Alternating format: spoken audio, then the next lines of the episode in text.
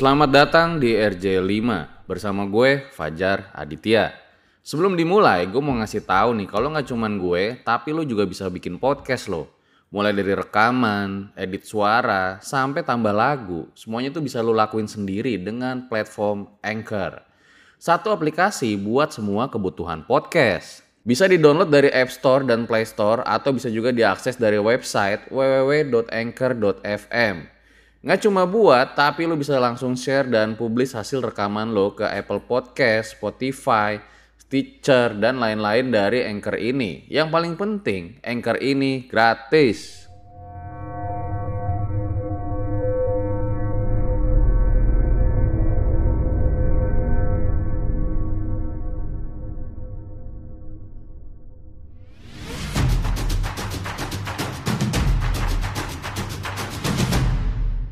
Kini Podcast Network.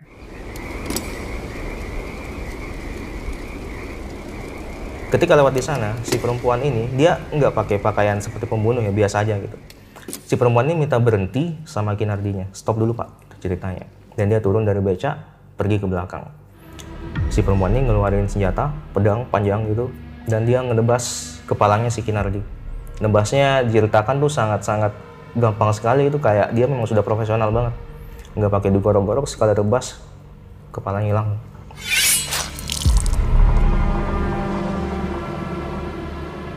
Ya nggak mau lewat sini lagi. Ini gara-gara kamu. Ngapain kita masih ke sana? Harusnya kita pulang tadi. Udah, udah. Om Mamat, obrolan malam Jumat. Kembali lagi bersama gue Fajar Aditya. Kali ini di Om Mamat season 3. Kamu yang takut atau mereka yang lari.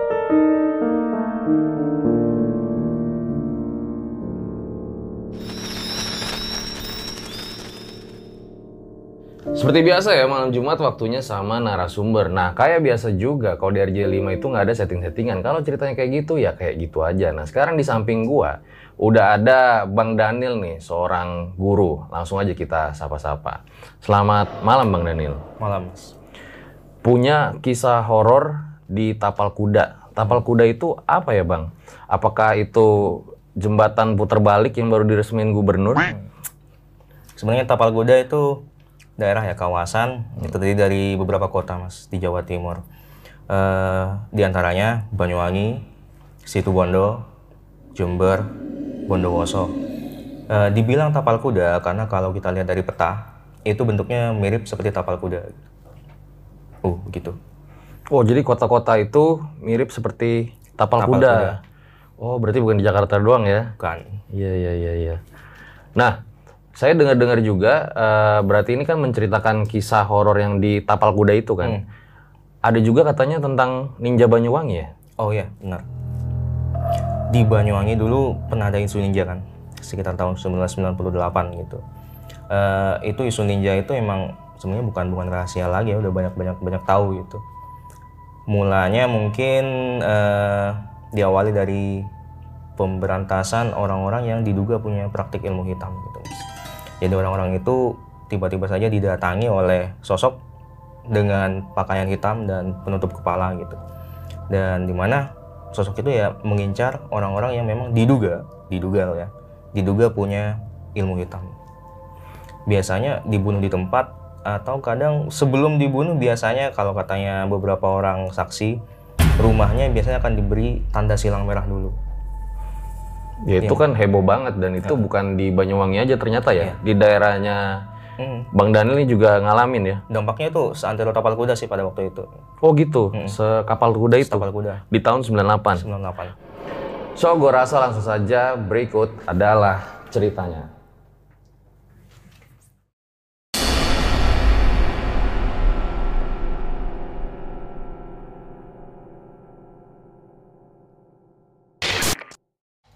Boleh diceritain Bang Daniel pengalaman horornya di Tapal Kuda? Oke. Eh, yang ada hubungannya dengan ninja ya? Iya. Jadi ini kejadiannya tahun 1997, satu tahun sebelum isu ninja merebak. Itu waktu itu saya masih SD sih mas, masih SD. Jadi kan ninja ini sebenarnya operasinya untuk mengeksekusi atau memberantas orang-orang yang punya praktek ilmu hitam. Sorry, orang-orang yang diduga punya praktek ilmu hitam. Jadi dalam prosesnya juga kadang ada yang salah tangkap gitu. Ada yang salah eksekusi gitu kan. Karena emang tahun-tahun itu juga chaos ya. Ya, chaos banget sih. Mau dulu pergantian mau rezim ya. ah, reformasi itu chaos banget. Nah, di daerah saya nih di Situbondo, sebenarnya yang paling terdampak kan di Banyuwangi. Di Situbondo juga ada sebuah kisah gitu, jadi ada seorang tukang becak. Tukang becak eh, namanya saya mungkin ini aja saya samarkan ya, namanya Kinardi gitu. Kinardi ini tukang becak, tapi dia oleh masyarakat itu sudah sangat ah, terkenal atau diduga, diduga, tapi udah banyak yang kenal ya kalau dia tuh punya ilmu hitam seperti itu Jadi tukang becanya tuh kedok kali ya. side side job mungkin ya Oh, saya atau uh, ya mungkin semacam mungkin dia memang pekerjaan seharinya itu cuman dia ya, menggunakannya untuk Kenapa membawa- kok dikenal ilmu hitam tuh gimana? karena masyarakat? awalnya ya kalau yang dari saya dengar itu banyak orang yang punya berselisih dengan dia tiba-tiba meninggal gitu terus juga kan biasanya kalau orang yang punya atau orang jadi korban gitu mas itu pada saat-saat sebelum meninggal itu biasanya melihat gitu siapa yang mengirimkan ini gitu dan da- dari tiga korbannya itu semuanya sama-sama menuju ke orang itu Si Kinardi tadi ya. si Kinardi itu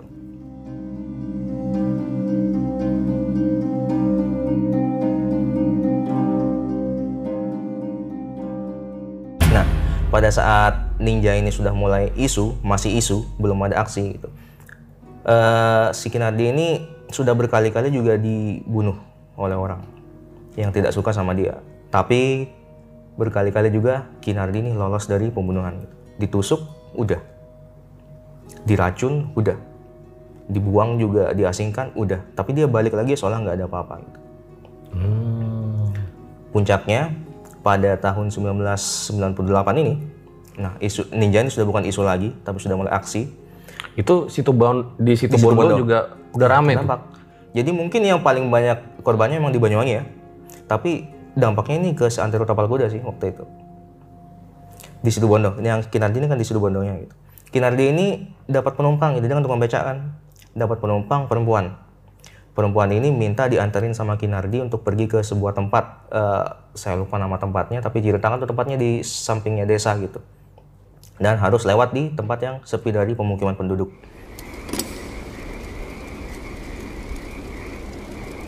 Ketika lewat di sana, si perempuan ini dia nggak pakai pakaian seperti pembunuh ya biasa aja gitu. Si perempuan ini minta berhenti sama Kinardinya, stop dulu pak, ceritanya. Dan dia turun dari beca, pergi ke belakang. Si perempuan ini ngeluarin senjata, pedang panjang gitu, dan dia ngedebas kepalanya si Kinardi. Nebasnya diceritakan tuh sangat-sangat gampang sekali itu kayak dia memang sudah profesional banget. Nggak pakai digorok-gorok, sekali tebas, kepalanya hilang.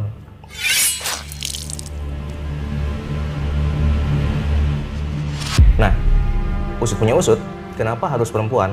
Kinardi ini berka- berkali-kali dibunuh percobaan pembunuhan oleh laki-laki dan selalu gagal. Ada orang yang bilang kalau Kinardi nggak bisa dibunuh oleh laki-laki, harus oleh perempuan dan bukan perempuan sembarangan. Dan sampai sekarang keberadaan perempuan ini masih misterius. Dia siapa nggak ada yang tahu sih. Serem juga ya. Cewek yang kelihatannya baik-baik gitu ya. Toto malah nebas kepalanya ya. Dan nggak cuma itu, Jangan itu ninjanya lagi. bisa jadi. Tapi nggak cuma itu. Setelah kepalanya ditebas, ini berdasarkan instruksi juga mungkin ya. Jadi dia nggak hanya kepalanya, kedua tangannya juga dipotong, kedua kakinya juga dipotong. Dan karena Kinardi ini diduga punya rawa rontek, aji rawa rontek di mana benda anggota tubuh yang dipotong bisa balik lagi. Dan salah satu syarat membunuhnya adalah dengan dikubur di tempat terpisah. Maka terkenalah di tempat saya itu ada empat pemakaman. Pemakaman utara, tempat memakamkan kepalanya Kinardi. Pemakaman timur, tempat memakamkan kakinya. Pemakaman barat, tempat memakamkan tangannya, kedua tangannya. Dan pemakaman yang di selatan, badannya. Itu sampai hari ini masih ada fisiknya. Tiga pemakaman mungkin sudah nggak ada, udah jadi pemukiman penduduk. Mungkin kalau yang saya lihat dari, dari, dari salah satunya masih ditandai oleh pohon dan ada yang ditandai oleh batu sih.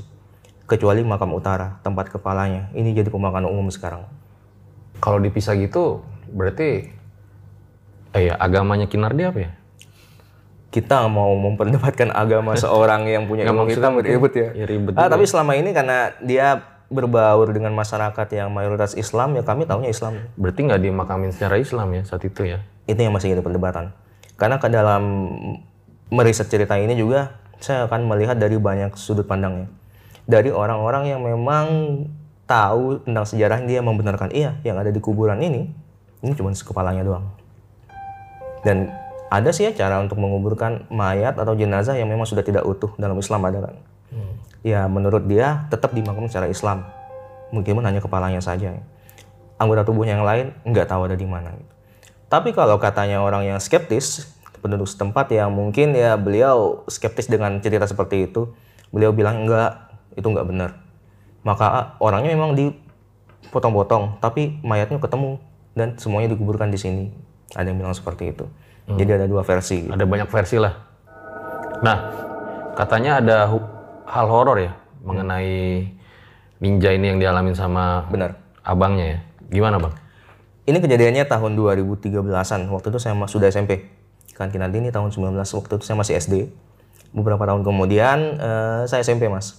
SMP itu saya dilantik ikut kegiatan pramuka gitu. Kegiatan ekstrakurikuler. Ya, ekstrakurikuler pramuka. Dan itu pelantikannya malam. Kakak-kakak yang pembinanya ini melepas semua anggota itu ke tempat yang berbeda-beda. Dan kelompok saya dilepas di lokasi di mana kuburan pertama, kuburan utara, tempat kepala ini berada gitu. Kami dilepas di sana dan ya semacam uji nyali gitu. Semua Ini kelompok juga ya. Ini kok pelepasan pramuka malah uji nyali ya. nggak ngerti juga sih waktu itu. Ini akal-akalannya kakak kakak pembimbing atau nggak ngerti Absurd juga. juga. Kami masih SMP ya, kami nurut aja ya, nggak nggak berani gitu. Toh yang lain juga dilepas di tempat-tempat yang nggak kalah serem juga gitu. Nah, pas kami sudah jelajah ya, eh, rutenya sudah pas dan eh, finishnya di kuburan itu, kami nunggu gitu. Berapa orang nih saat itu? Tujuh orang. Tujuh orang kami nunggu, lama banget. Saya ingat teman saya sempat bilang, ini sudah jam setengah sebelas, kok nggak ada yang jemput kita gitu. Karena pelantikan ini nanti eh, ketika semua kelompok sudah sampai ke garis finish ini akan dipanggil gitu dan akan dikumpulkan di sebuah lapangan gitu. Benar-benar sepi pada saat itu. Sepi. Dan benar-benar nggak ada yang jemput kita sampai jam setengah sebelas gitu. Akhirnya karena karena ke anu ya apa mungkin bosan ya. Teman saya tuh ngelihat ada makamnya Ki Nardi ini di kuburan itu dan dia cerita itu. Saya pernah dengar nih kalau ini di dalam sini cuma kepalanya doang. Tambah takut lah kita kan. Cuman teman saya ngomong gini dia orang skeptis. Di atasnya si kuburannya Ki Nardi ini itu ada pohon cempaka di sampingnya. Dan di pohon cempaka itu ada semacam kayu kayu kering, ada ikat, ada talinya warna kuning digantung ke pohon cempaka dan menggelantung di atasnya makanya Kinardi itu. Kayu itu diambil. Teman saya yang skeptis diambil, dia bawa. Ketika diambil, benar kakak Miming datang. Eh, ayo kamu dari tadi dipanggil. Kok nggak ini, kok nggak apa? Kok nggak cepat ke lapangan gitu? Yang lain sudah ke sana. Kami dari tadi nunggu sini. Apa? Kami sudah tiga kali bolak-balik ke kuburan sini nggak ngeliat kalian, kata kakak Miming. Jadi kami seolah-olah nggak kelihatan di sana gitu. Padahal ini sudah jam setengah sebelas lebih. deh. Sampai di lapangan eh, pengukuhan kan ya, pengukuhan pelantikan kami sudah selesai dan saya bertuju itu nggak langsung balik ke rumah mas. Jadi kami nginep di sekolah, tidur di sekolah, dua kelompok. Jadi ada sekitar 15-14 orang. Itu kayunya masih di bawah. Masih dibawa sama teman saya. Perasaannya sudah nggak enak ya. Perasaannya sudah nggak enak karena saya juga pernah dengar cerita itu. Sementara teman-teman yang lain kan kami di pesantren ya mas ya. Jadi eh, teman-teman kami itu nggak semuanya dari desa yang sama. Ada yang dari luar daerah gitu. Yang ngerti cerita itu mungkin beberapa orang termasuk saya. Jadi saya udah nggak enak. Eh mending jangan dibawa. Apaan? Cuman kayu gini aja gitu. Pas kami nginep di kelas, kelas itu memang udah bangkunya itu udah ini ya, udah di kepinggirin gitu. Jadi kami lesehan di kelas. Tongkat ini sama teman saya dia taruh di pojokan kelas gitu. Tengah malam sekitar jam setengah dua, saya tahu setengah dua karena kalau di pesantren itu sudah mulai ada ayat-ayat suci, pembacaan ayat suci itu sudah ber- berkumandang gitu. Kayu itu gerak, di pojokan bergerak. Saya ngeliat, saya bangunin teman saya yang bawa. Lihat-lihat. Ketika teman saya bangun, dia nggak lihat. Kayu itu berhenti. Saya mulai takut, jadi saya mulai tidur nggak ngadep ke sana lagi gitu. Teman saya juga nggak mau dibalik, di, dibangunin. Gitu. Pas ketika hampir subuh, teman saya yang bangun. Dia jerit-jerit, jerit-jerit, dia minta saya untuk nganterin saya ke kuburan tadi. Dia sambil pegang kayu itu. Saya tanya kenapa? Ini masih subuh, masih masih belum terang gitu. Saya mimpi diterangin kakek-kakek. Saya dipukul pakai tongkat ini. Lihat ini. Di sini memang ada semacam apa ya kayak kayak bekas dipukul gitu loh. Merah di tangan saya, di tangan Memar gitu. memar. Nggak memar, mungkin bekas kayak hitam gitu mas. Di tangannya gitu. Berbekas gitu. Ya. Saya kan kami masih SMP ya mas ya. Kami takut juga kan. Akhirnya kami ngadu ke eh, kakak pembimbing gitu kakak pembina akhirnya kakak pembinanya yang nganterin teman saya ke sana gitu. Temannya saya nggak mau ikut. Oh kakak aja gitu. Nggak bisa. Kamu yang ngambil kamu harus balikin sendiri gitu. Nah sejak saat itu kegiatan ini dihentikan. Karena kakak pembina kami ya dapat kritikan dari masyarakat memang nggak boleh di sana siapa yang ngizinin anak SMP usia SMP untuk malam-malam pengukuhan pramuka di tempat itu? Nggak boleh hanya sejak saat itu ditiadakan lagi. Itu kayunya kayak gimana mas? panjang sih. Mungkin Kayak kayu biasa? kayu kayu kayu biasa. Cuman lurus banget sih kayunya. Dan di atasnya itu ada tali kuning dan itu yang dibuat menggantung ke salah satu batang pohon cempaka itu di atas. Fungsinya apa tahu gak? saya nggak tahu karena sekarang udah nggak ada sih. Kayu itu udah nggak ada sekarang. Tapi nggak berakibat selain yang bekas itu nggak ada akibatnya lagi ke temennya mungkin abang secara atau secara psikis pramukanya. ya. secara psikis teman saya udah trauma juga trauma kalau yang teman-teman pramuka yang lain karena mungkin yang bikin masalah cuma satu orang ya yang lain nggak kena dampak gitu Oke.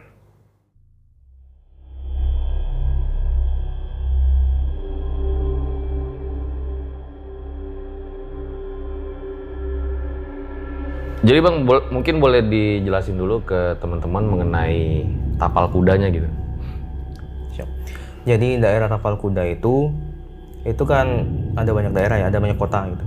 Banyuwangi, Situbondo, Jember dan juga Probolinggo di antaranya gitu. Berarti Jawa Timur aja tuh. Jawa Timur. Nggak nggak mencakup semua Jawa Timur, cuman Jawa Timur bagian timur gitu.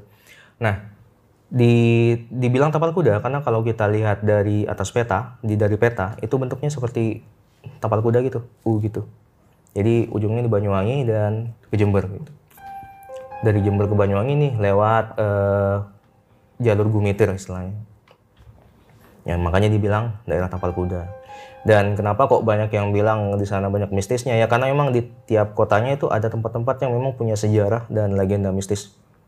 Di Banyuwangi ada Alas Purwo, di Situbondo ada Jurang Tangis. Ada juga desa yang katanya nggak boleh lebih dari 15 RT gitu, pernah viral waktu itu. Itu juga di Situbondo, Mas. Jadi banyak sih tempat-tempat gitu di kota-kota yang ada di daerah Tapal Kuda. Oke, nah sekarang pengalaman mana lagi yang mau diceritain di tapal kuda nih? Di Jurang Tangis. Apa tuh jurang tangis? Boleh dijelasin dulu? Oke. Jurang Tangis nih jurang atau bisa dibilang lembah ya. Dia ada di bawahnya jalur yang disebut jalur tengkorak. Jadi lokasinya ada di hutan Baluran. Hutan Baluran ini yang memisahkan antara Kabupaten Situbondo dengan Banyuwangi. Kalau kita mau ke Banyuwangi atau mau ke Bali lewat jalur darat kita pasti lewat hutan Baluran. Yang banyak monyetnya itu Ya, ya? benar. Pernah lewat. Iya pernah tuh. Ada dulu di vlog. Nah, kalau kita lewat sana, di pertengahan itu ada yang namanya jalur tengkorak. Ini disebut jalur tengkorak karena memang di sana rawan kecelakaan. Biasanya tiap bulan ada aja meskipun cuma kecelakaan ringan dan sering kalinya kecelakaan berat karena memang medannya memang susah banget mas. Turunan, tanjakan, belok dan lain-lain. Sering ada truk yang kehilangan kendali juga di sana. Di bawah jurang jalur tengkorak ini ada tempat yang disebut jurang tangis. Oh. Ini jurang dalam banget, kedalamannya kira-kira 18 meter ke bawah. Itu punya legenda dan juga punya sejarah di sana. Kalau legendanya disebut jurang tangis karena dulu ada seorang perempuan yang janjian dengan kekasihnya di sana, tapi ketika kekasihnya datang, perempuan itu malah ditendang ke bawah. Dan dia dendam, sehingga dia menangis di bawah. Maka dikasih nama jurang tangis. Nah, sejarahnya ini yang mungkin agak sedikit berdarah-darah. Jurang tangis ini pernah dibuat menjadi tempat pengasingan atau pembuangan di era-era eh, pemberontakan tahun 1965. Mayat-mayat yang diduga menjadi bagian dari pemberontakan itu dibuang ke sana dan jumlahnya ribuan. Dibuang hidup-hidup ketika sampai di bawah sudah nggak jadi mayat karena tinggi banget kan. Di bawah sudah hancur. Pak. Berapa tingginya tuh? 18 meter. 18 meter itu jurang. Iya. Tinggi banget ke bawah gitu. Oh jadi ada kisah kelam juga ya? ada kisah kelam juga. Bahkan dulu juga sering banget ketika lewat di sampingnya jurang tangis tuh eh, nemuin mayat-mayat gitu, mayat-mayat asing itu hasil operasi-operasi pada masa saat itu. Dan biasanya di mayat itu juga kadang langsung dikasih uang biaya untuk menguburkannya di bawah. Maksudnya biaya gimana? Orang-orang yang dibunuh itu dibunuh oleh seseorang atau bisa dibilang penembak misterius pada zaman itu biasanya yang dibunuh preman atau orang-orang yang memang meresahkan masyarakat. Tapi pembunuhnya ini nggak langsung menguburkannya, jadi membuangnya di pinggiran-pinggiran jurang tangis itu dan dikasih uang agar orang atau warga setempat mau menguburkannya sebagai upah. Oh, sampai seperti itu ya? Hmm. Sampai seperti itu. Iya, iya, iya. Dari sejarah itu, yang awalnya hanya legenda, menyentuh sejarah, akhirnya menjadi mitos atau urban legend setempat. Di mana ketika kita lewat di jalur tengkorak, di jurang tangis itu, kita akan mendengar suara-suara. Suara tangisan. Ya, Untung pas saya lewat belum tahu nih. lewatnya malam atau Siang gitu. siang, oh, nggak ada kalau siang. Biasanya eh, dengarnya malam. Memang itu kiri kanan lebat sekali hutan ya. Hutan jati. Pohon ya. Hutan jati sih. Ya lebat ya, lebat Dan banget. banyak monyet-monyet yang ke jalan Banyak. juga. Banyak banget. Karena kan di Baluran juga daerah ini sih, daerah wisata. Ada wisatanya juga di Baluran gitu. Nah, pengalaman abang sendiri gimana? Waktu itu, ini baru-baru sih kejadiannya pas eh, satu tahun sebelum nikah ya. Saya dan teman saya yang bernama Vicky, dia kami pergi ke undangan atau resepsi pernikahan teman yang ada di Banyuwangi. Kami tinggal di Situbondo. Jarak rumah kami dengan jurang tangis ini dekat banget sih. Jadi desa kami, desa sebelah ini sudah masuk hutan Baluran. Dan kami harus nyebrang hutan Baluran untuk pergi ke resepsi ini. Kami berangkat siang mas, di resepsi sore resepsinya lama terus ada kakek-kakek gitu eh, kakeknya atau saudaranya teman saya yang lagi nikah gitu dia seperti ngasih peringatan sama kami Cong, pakai bahasa Madura cong ini artinya panggilan laki-laki kamu mau pulang jam berapa? nanti agak maleman gitu. Mending kamu pulang sekarang. Jangan terlalu malam. Karena kalau kamu pulangnya malam, nanti nyampe di hutan, malam, gelap, bahaya. kami memang nggak berencana pulang secepat itu karena habis dari resepsi kami masih mau jalan-jalan berdua gitu akhirnya ya kami iyain aja kami anggap eh, cuman eh, nasihat orang tua ya gitu. Memang resepsinya tuh di mana? Di Banyuwangi. ngelewatin baluran dulu sampai Iya, habis. bener itu di Wongsorjo sih daerah Wongsorjo Berarti Wongsorjo ini- sampai habis dong ya? Ah, sampai habis. Sampai habis. Kan ngelewatin itu kan memang untuk pe- perbatasannya situ Bondo dan Banyuwangi sih. Lewat hutan itu. Kami keluar dari resepsian acara itu sekitar pukul 5 sore dan tidak langsung pulang ke situ Bondo. Jadi masih jalan-jalan. Jalan-jalan sekitar jam 9 baru kami balik.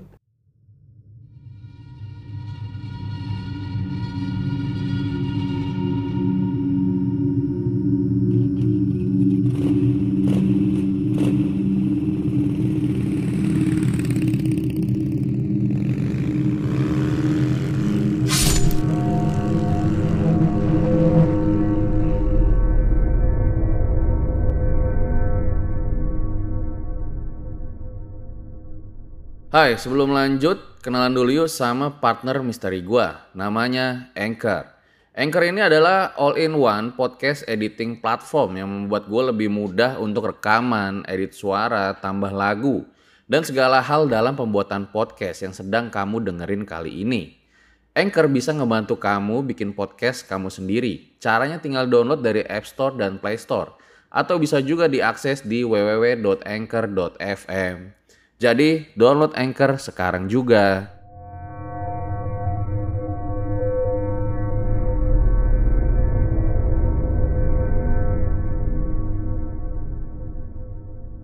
Jam 9 masuk hutan.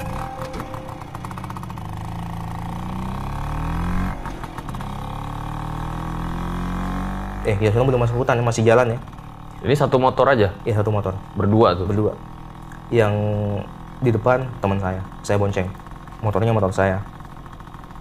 Pas kami pulang jam 9 malam nyampe hutan itu sekitar sudah jam 10 dan nyampe di jalur tengkorak itu sudah sekitar setengah 11 di jalur tengkorak ini kami nggak sadar kalau kami sudah masuk ke jalur itu.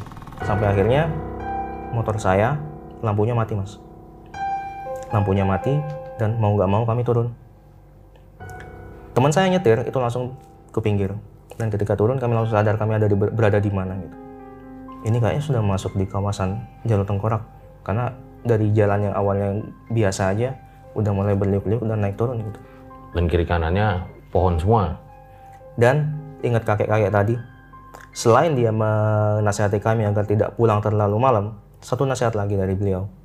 Yakni kalau kami lewat di jalur tengkorak dan dalam keadaan sepi mending turun dulu nunggu mobil lewat atau nunggu sepeda motor atau ada kendaraan lain.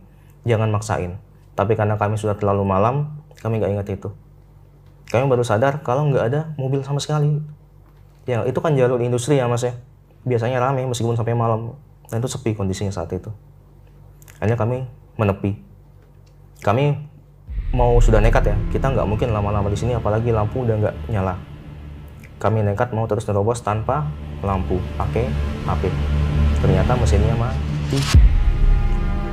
Jadi setelah lampunya mati mesin motor saya juga mati. Padahal itu motor baru. Terpaksa kami dorong dong. Kami mendorong sepanjang jalur tengkorak berdua saya dan Vicky. Itu kalau malam monyetnya ada juga? nggak eh, biasanya waktu itu nggak ketemu sih. Biasanya ada sih. Tapi kebanyakan udah nggak di pinggir jalan le- lebih ke atas pohon gitu. takut juga kan ketabrak gitu. Oke, terus? sepanjang jalur tengkorak kami mendorong. Dan ketika mendorong ada satu ini lagi mas eh, aturan ya kak. Mungkin ini sudah banyak dibicarakan orang-orang. Kalau kita lewat di tempat angker kita nggak usah ngomongin apa pun. Apalagi yang ada hubungan dengan itu karena biasanya akan diganggu gitu. dan kami sepakat untuk tidak mengomong itu. Jadi kami dorong ketika sudah mulai agak ke tengah jalur tengkorak kami mendengar sesuatu.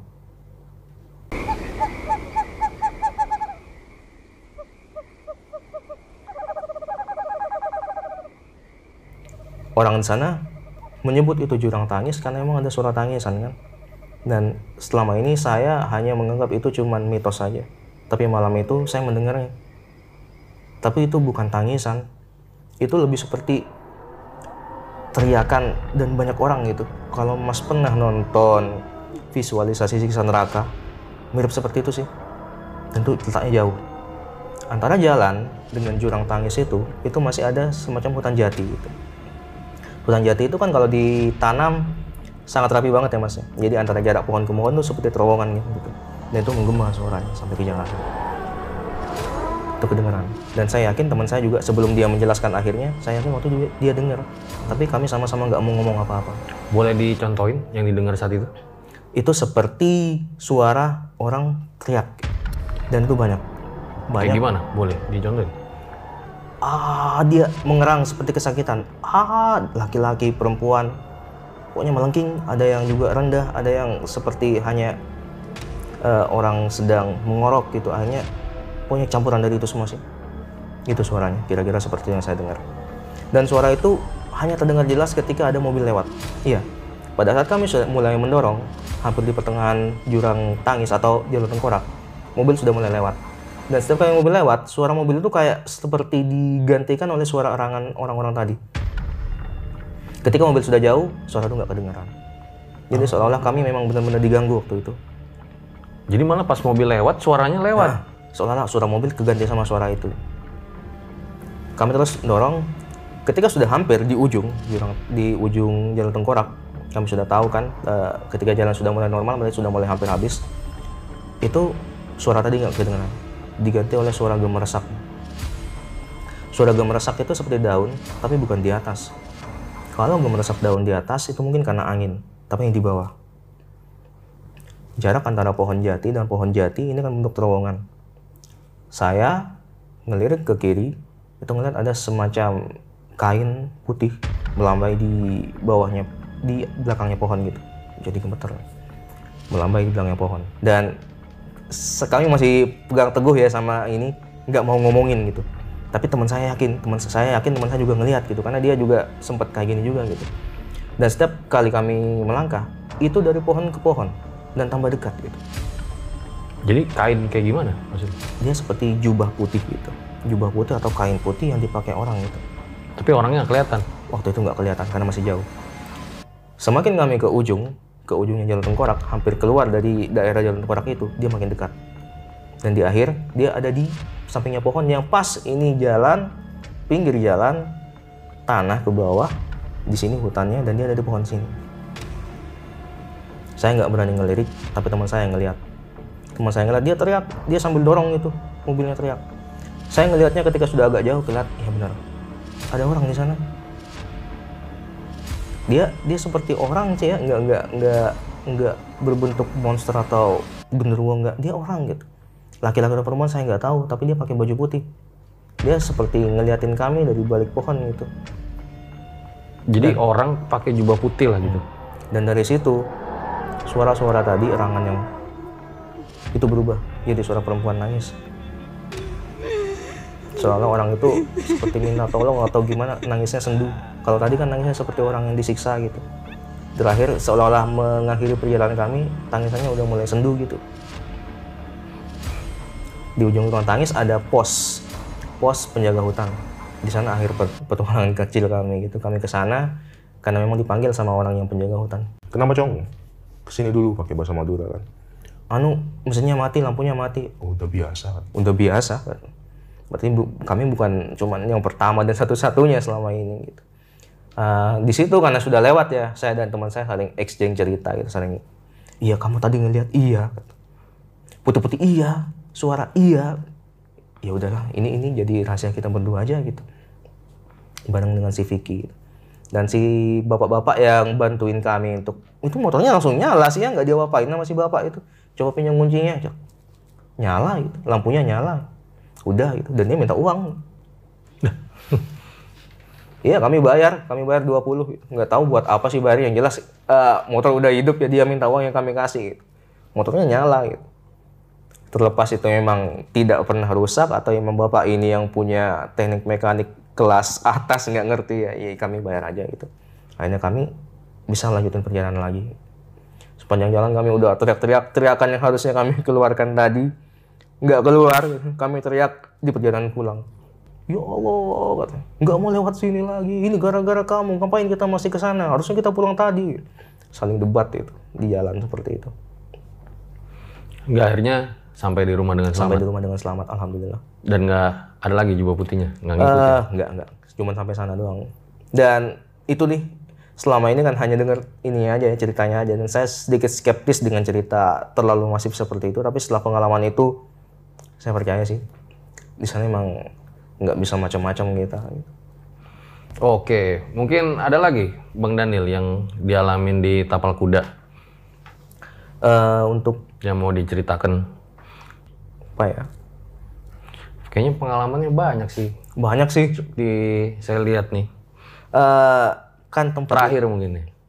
tempat di tapal kuda nggak cuma satu mas banyak kota kan yang tadi kan di situ Bondo nah ada nih di kota Arjasa Di mana? Arjasa dia masih bukan kota sih dia masih kawasan satu kabupaten dengan situ Bondo tapi daerah Arjasa ini ceritanya tentang kuburan mas. Kuburan. Kuburan eh, sana nyebutnya kuburannya mungkin eh, kuburan Cina gitu katanya. Kuburan Cina. Sebenarnya yang horor bukan kuburan Cinanya tapi rumah di depan kuburan Cinanya ini lokasinya di jalan raya di jalan jalur Pantura gitu. Rumah ini udah dari lama mas. Dia satu-satunya rumah yang ada di sana. Letaknya agak menjorok ke belakang dan selalu sepi. Ceritanya rumah ini sering banyak penghuninya gitu. Ah, maksudnya eh, berganti-ganti. Jadi dihuni orang ditinggalkan. Dihuni orang ditinggalkan. Itu memang sekitarnya rumah juga. nggak ada rumah Berarti satu-satunya rumah di Satu-satunya jalan. rumah di jalan. Sampai sekarang ada sih. Dan rumahnya itu udah banyak banget eh, tanaman liarnya itu udah lama nggak ditempatin Kiri kali kanannya apa ya? kiri kanannya kalau di kanannya eh, ini sih ya sawah kalau nggak kebun Eh, ladang ladang jagung. Di kirinya juga gitu. Dan dia rumah satu-satunya di situ. Cerita ini eh, pas saya kuliah. Eh, jauh sebelum yang barusan. Itu ada gini mas rumah itu kan memang katanya angker sih katanya gitu. Nah suatu ketika ini naik motor lagi ceritanya sama nih kayak tadi gitu. Cuman bedanya saya bawa motor sendiri dan teman saya bawa motor sendiri. Kami pulang kuliah waktu itu. Jam berapa tuh? itu malam sih. Eh, nggak nggak malam-malam banget. Eh, kayaknya sekitar jam kami pulang dari kampus itu jam setengah lima nyampe di Arjasa mungkin maghrib ya. Maghrib. setengah enam ya. Maghrib. Jadi ramai sih waktu itu. Cuman hujan kondisinya hujan motor teman saya yang mati. Businya gitu basah gitu, mati. Dan matinya dekat-dekat dengan kuburan Cina itu. Akhirnya kami ya terpaksa ya namanya saya juga kasihan gitu mau ninggalin. Jadi solidaritas lah ya kami saya juga berhenti gitu. Jadi motor temennya mati lagi nih? iya. Ini temen yang sama apa beda? beda. Oh beda. beda beda. Kalau tadi kan teman yang yang tadi ya ini teman kuliah lah. Dia motornya mati karena businya basah gitu Di dekat kuburan Cina itu. nah kami menepi di bawah pohon asam. Saya juga turun gitu. Meskipun saya nggak tahu ya caranya perbaiki mo- motor jadi saya turun aja gitu demi solidaritas kan. Setelah lama-lama digeber-geber tetap nggak mau hidup ya udah akhirnya kami dorong gitu. Saya ikutin di belakang gitu. Saya naik motor pelan-pelan dia dorong gitu. karena kan, kami kan sudah paham ya sering lewat di sana kan. Kami tahu kalau nggak jauh di depan ada bengkel gitu jadi ya oke lah kita kita anu aja gitu. Saya temennya dari belakang gitu. meskipun hujan-hujanan. Pas waktu itu pas di depan rumah yang kata saya tadi "Eh, ini ada orang mas bapak-bapak gitu. Dia pakai bajunya normal-normal aja cuman bapaknya agak kurus banget gitu kayak yang sakit gitu. Dia duduk eh berdiri di bawahnya pohon asam gitu. Pas kami papasan di sana bapaknya ini nyapa teman saya. Saya juga sampai matiin motor kan turun juga takutnya ada apa-apa gitu. Ternyata bapaknya minta dianterin ke Asem Bagus Asem Bagus ini daerah di dekatnya tempat saya tinggal gitu jadi jaraknya dari tempat ini ke sana mungkin sekitar 2 km lagi sih Ah, tapi ngelewatin kuburan Cina sama rumah tadi dulu. Iya. Ini kuburan Cina, ini rumahnya, ini pohon asamnya, di sini bapaknya. Dia nungguin gitu. Dia pakai bahasa Madura sih. Eh, bisa anterin saya ke mana? Ke kuburan Asem Bagus. Teman saya bilang, iya tapi ini businya saya mati, nggak bisa ini nggak bisa nyala. Coba bisa itu, dinyalain. Bener nyala. Akhirnya ya karena ini, karena mungkin ngerasa nggak enak nolak ya, atau mungkin gimana juga teman saya juga kasihan gitu akhirnya ya udah pak ayo ikut hujan kan mas kami saya sudah ngerasa saya sudah berbuat banyak nih buat teman saya saya nggak mau di belakang terus saya susul dia saya bilang eh saya nggak di depan ya soalnya ini udah basah banget ya udah nggak apa saya nggak bisa cepet-cepet. Ini bapak nggak pakai helm juga kata.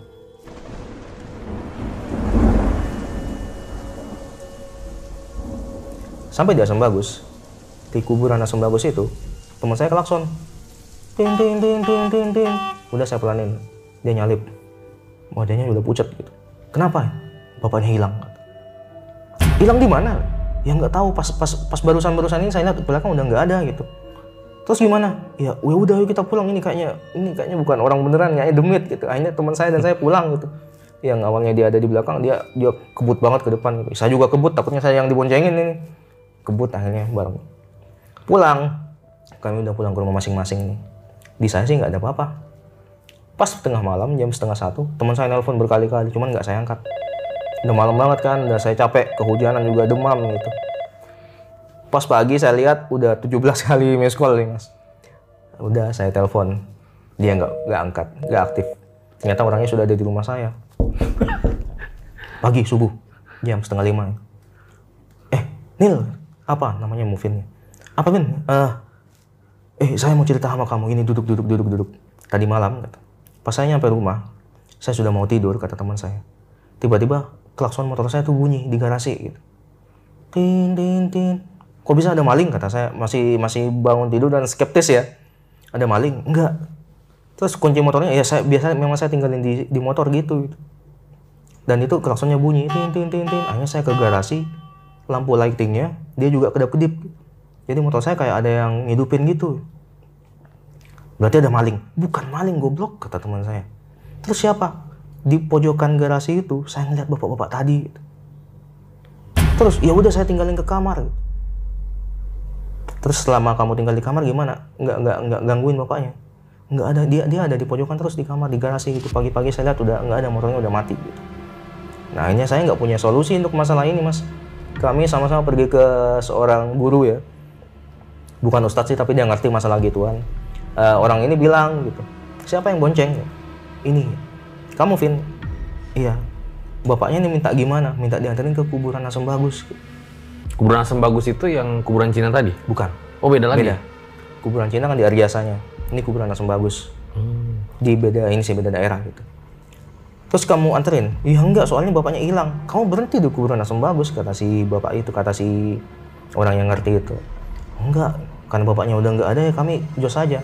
Ya udah kamu nanti malam sendirian pergi ke kuburan Asem Bagus anterin bapaknya. Iya saya mau ketawa sih mas waktu itu gimana ngebayangin teman saya pergi sendirian ke kuburan Asem Bagus nggak bawa apa suruh nganterin orang yang dia nggak bisa ngelihat gitu teman saya juga kayak yang apaan nih kok kayak gini solusinya kamu mau nggak didatangin lagi nanti malam kata saya ya nggak mau ya udah nanti malam saya temenin gitu. tapi saya suruh ya saya di belakang kamu sendirian boncengin gitu bener teman saya ke Asem Bagus, ke kuburan Asem Bagus malam-malam di jam yang sama. Saya ngikutin agak jauh. Dia turun berhenti di depan kuburan Asem Bagus dan dia eh, sesuai instruksi Bapak tadi dia bilang gitu pakai bahasa Madura. Ayo Pak, ini sudah sampai gitu. Silakan turun, jangan ganggu saya lagi. Bilang gitu teman saya. Dan dia ngerasa kayak ada yang nepuk pundaknya gitu. Teriak dia di pinggir jalan di kuburan sama kan di pinggir jalan teriak. Aduh, saya kaget apa? Kayak ada yang mukul saya barusan. Gitu. Oh, tapi udah udah bilang, udah yang disaranin udah dilaksanain. Udah semua, ya udah pulang. Setelah itu mereka teman saya udah bisa tidur tenang sih. Itu emang sosok kakek-kakeknya tuh kayak gimana? Waktu itu ngeliat juga berarti kan? Iya, lihat dia dia kayak bapak-bapak normal sih. Dia pakai baju eh, kayak kemeja gitu, bukan kayak kemeja, emang kemeja sih ya. Kemeja kalau kami bilangnya baju takwa, kemeja koko lah ya. Kemeja koko terus eh, celana kain gitu dan dia kepalanya agak sedikit pelontos dan kurus banget sih mas ya. Kulitnya agak kehitaman dan kurus banget kayak dia sakit banget gitu. Dan setelah itu akhirnya ya udah Ya udah, nggak diganggu lagi tuh. nggak diganggu lagi. Oh, Oke, jadi nanti bakal banyak pertanyaan nih di closing.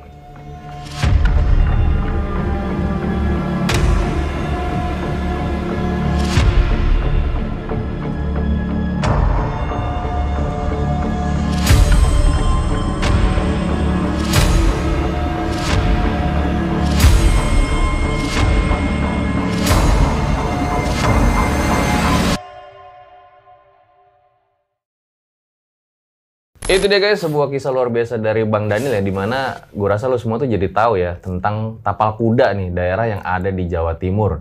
Nah, kita tanya-tanya dulu nih Bang Daniel. Bang, berarti masih banyak dong harusnya ya pengalaman-pengalaman horor di tapal kuda itu ya. Banyak banget.